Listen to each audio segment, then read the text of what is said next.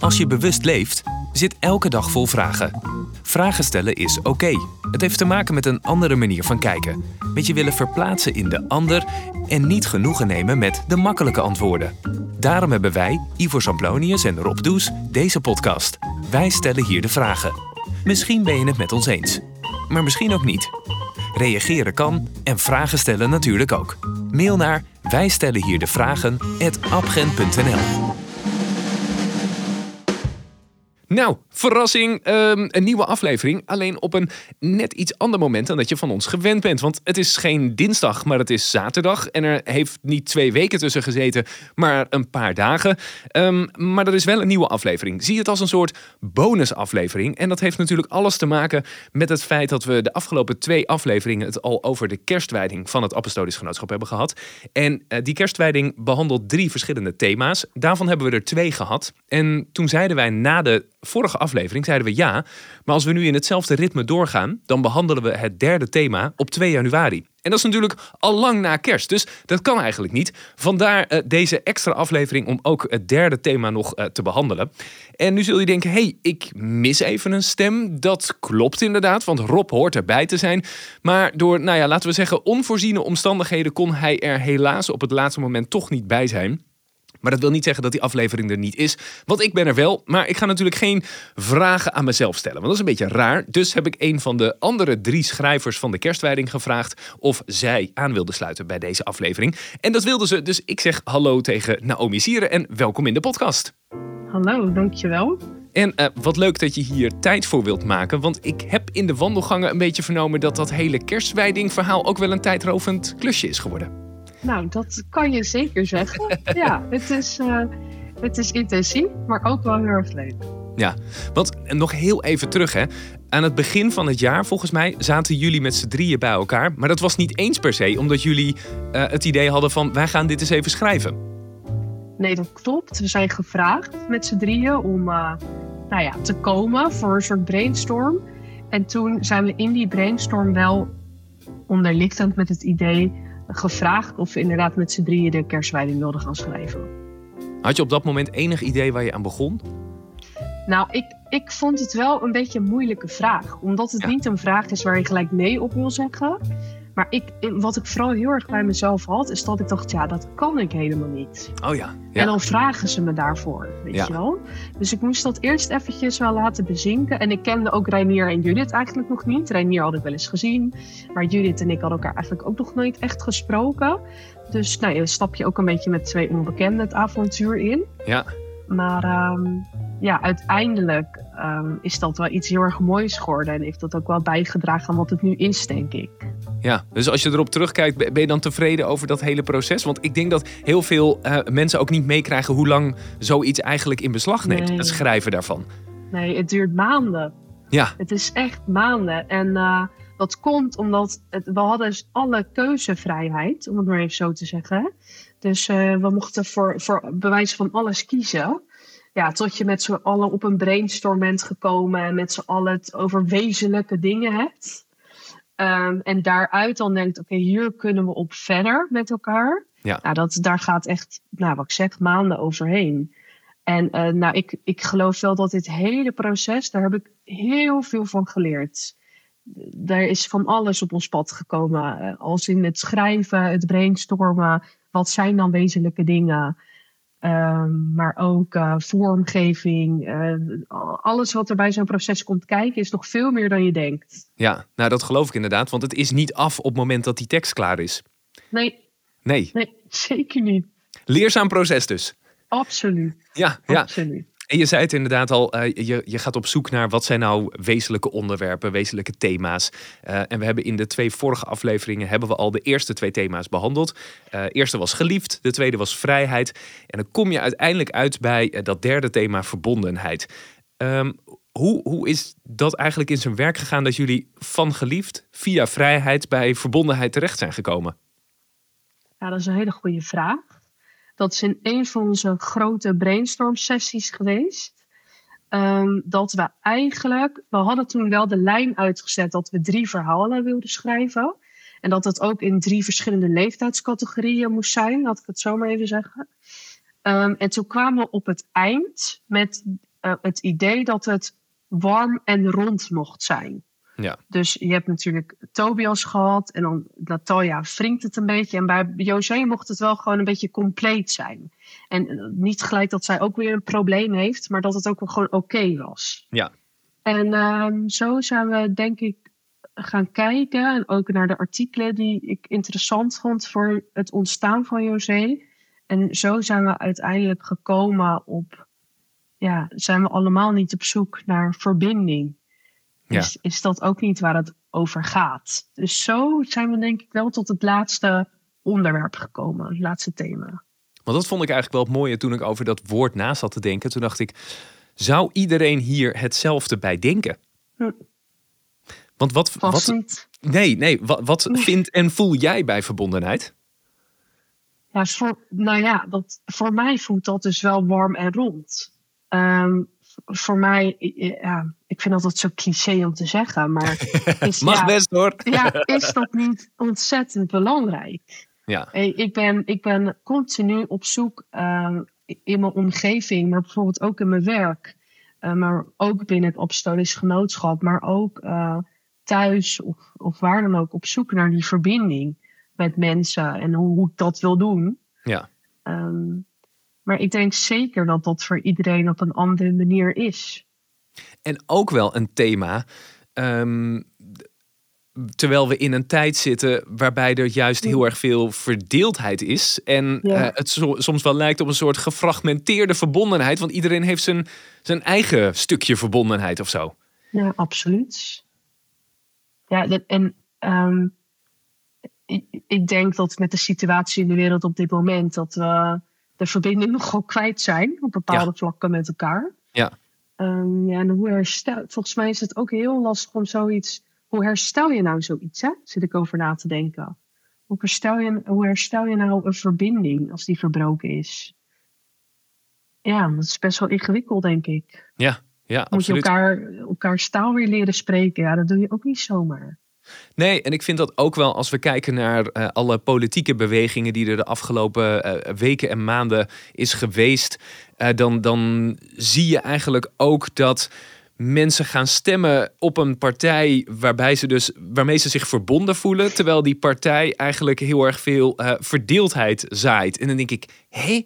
Hoe, dit, dit, dit botst toch eigenlijk heel erg. En ik, vraag, ik kan me dan echt oprecht afvragen van hoe werkt dat nou in het hoofd van andere mensen? En, en hoe kunnen we inderdaad weer een soort, ja, een soort, soort eenheid of zo krijgen in verbondenheid? Zonder dat het daarmee saai gaat worden natuurlijk. Want dat is ook weer niet. Dat mag ook wel een beetje schuren en het mag ook wel, ieder mag zijn eigen, eigen kleur daarin hebben.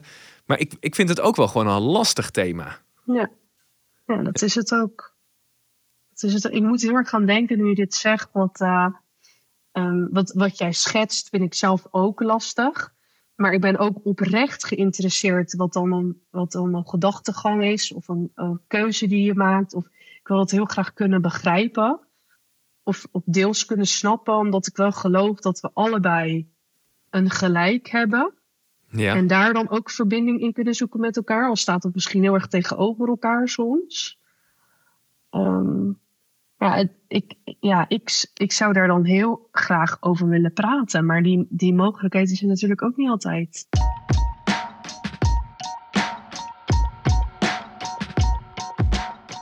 En als je nou kijkt naar verbondenheid en, en je haalt het naar jouw eigen leven, ehm, hoe, hoe pas jij dat toe? Nou, daar moet ik even over nadenken. Hoe pas ik dat toe? Ehm, nou, ik denk dat dat voor mij. Eh, ik moet, het eerste waar ik aan moet denken is aandacht. Ja.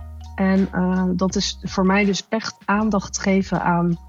Nou ja, ik, ik ben een teammanager in een ziekenhuis. Daar vind ik aandacht geven aan mijn team heel belangrijk.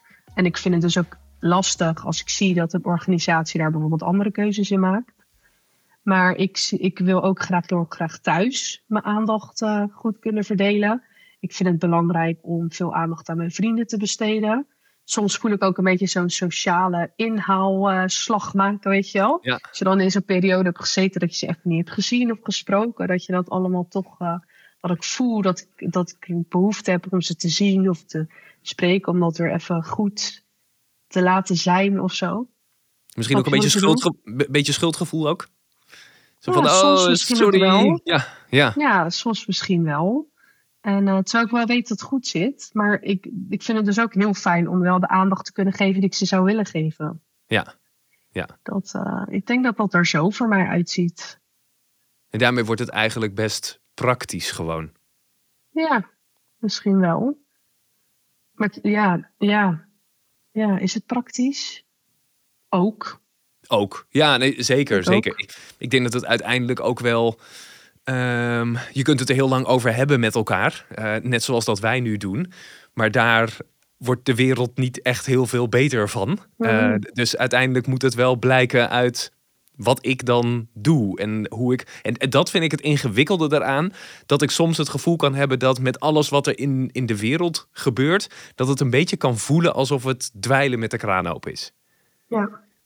Heb je dat zelf ja. niet? Jawel, dat, dat heb ik wel.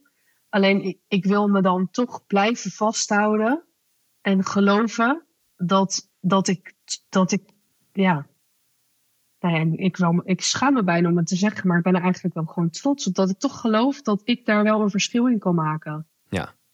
Dat het, ja. dat het dan toch bij mezelf begint.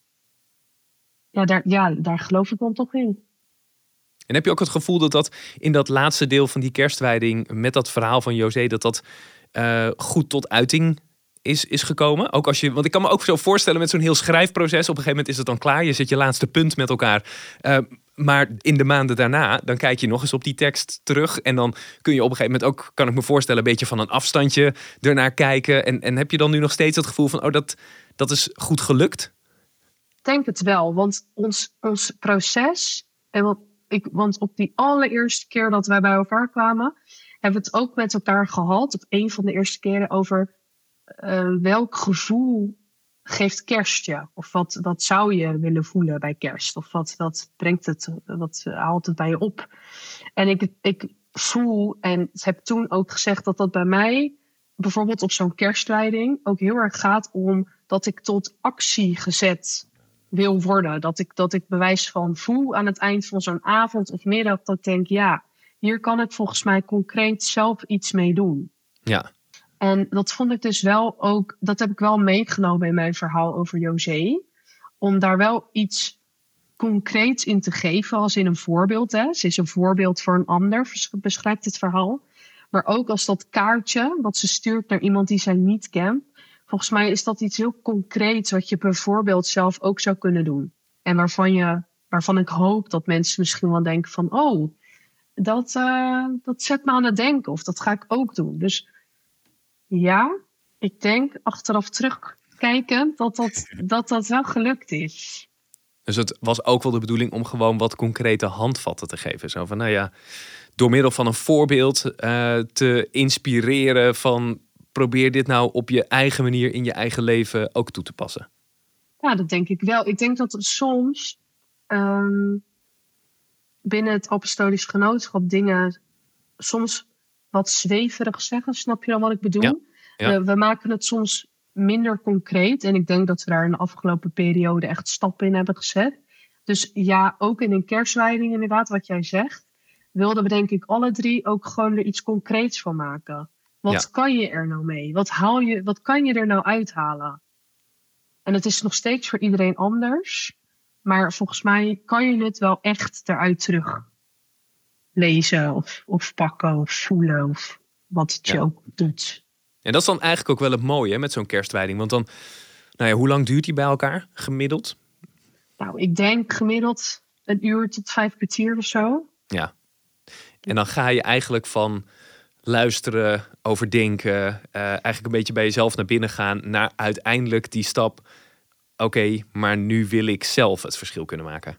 Ja, zou dat het ideale scenario zijn? Is het al geslaagd? Ja, absoluut. voor mij absoluut. Maar voor mij is het ook al geslaagd dat we, dat we iets anders hebben gedaan dan dat we mogelijk dat we gewend zijn. Ja.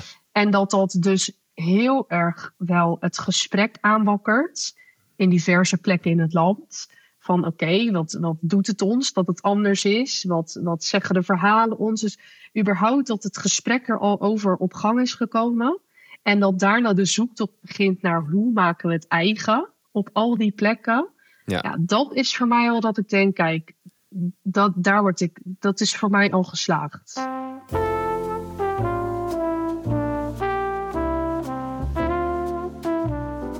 En je bent ook volgens mij bij een aantal uh, generales al wezen kijken. Uh, dat lijkt me dan ook heel erg leuk. Maar heb je dan het gevoel dat het, dat het gelukt is wat jullie wilden? Want je, je begint met een idee, maar is, is het gelukt? Nou, ik, ik meen het echt als ik zeg dat ik... Ik ben gisteren toevallig een generale geweest. Van een gemeenschap uit mijn district. En uh, ja, ik, ik heb daar wel van zitten genieten. Ehm, misschien was het niet zoals ik het hele perfecte plaatje in mijn hoofd heb zitten.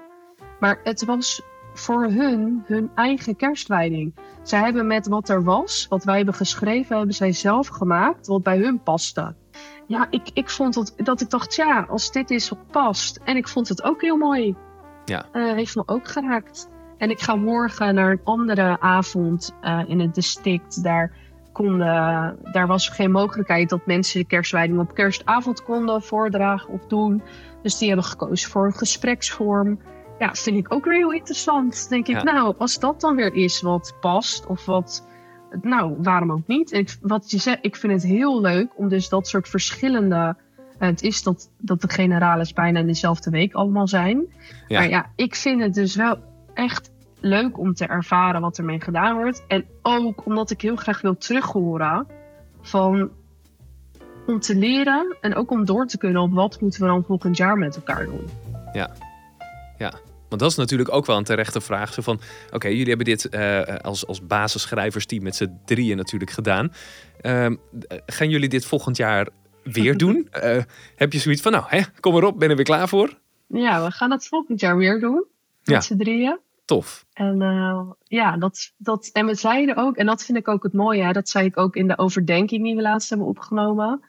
Um, waar Judith en Reinier voor mij eerst twee wildvreemden zijn, ben je in zo'n proces ook op zo'n bepaalde manier.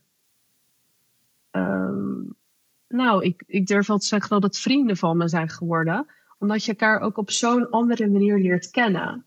Um, dus we zeiden ook tegen elkaar van ja, we doen het volgend jaar weer, maar wel echt met z'n drieën. Ja, ja, ja, precies. Dat was de enige voorwaarde. Of met z'n allen of niet. Ja, absoluut. Ja, Nou, precies. Nou ja, en, dan hebben we het derde thema ook gewoon gehad. Dus dan uh, zijn we inderdaad netjes vanuit geliefd via vrijheid naar verbondenheid gekomen. Um, onwijs bedankt uh, voor je tijd. En uh, ik wens jou natuurlijk ook gewoon fijne feestdagen. Dankjewel, jij ook. Vond het heel leuk.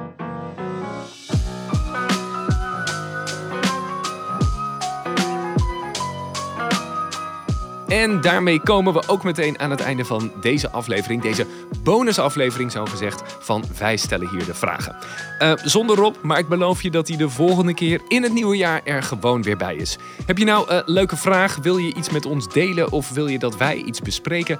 Laat het ons dan zeker weten. Stuur een mailtje naar wij stellen hier de vragen apenstaartje En wie weet komt hij de volgende keer voorbij. Dan rest mij niets anders dan jou als luisteraar nu fijne feestdagen te wensen. En ook alvast een goed oud en nieuw te wensen. Dank voor het luisteren naar de afgelopen afleveringen. En heel graag tot volgend jaar. Want natuurlijk gaan we door met Wij stellen hier de vragen. Bye bye.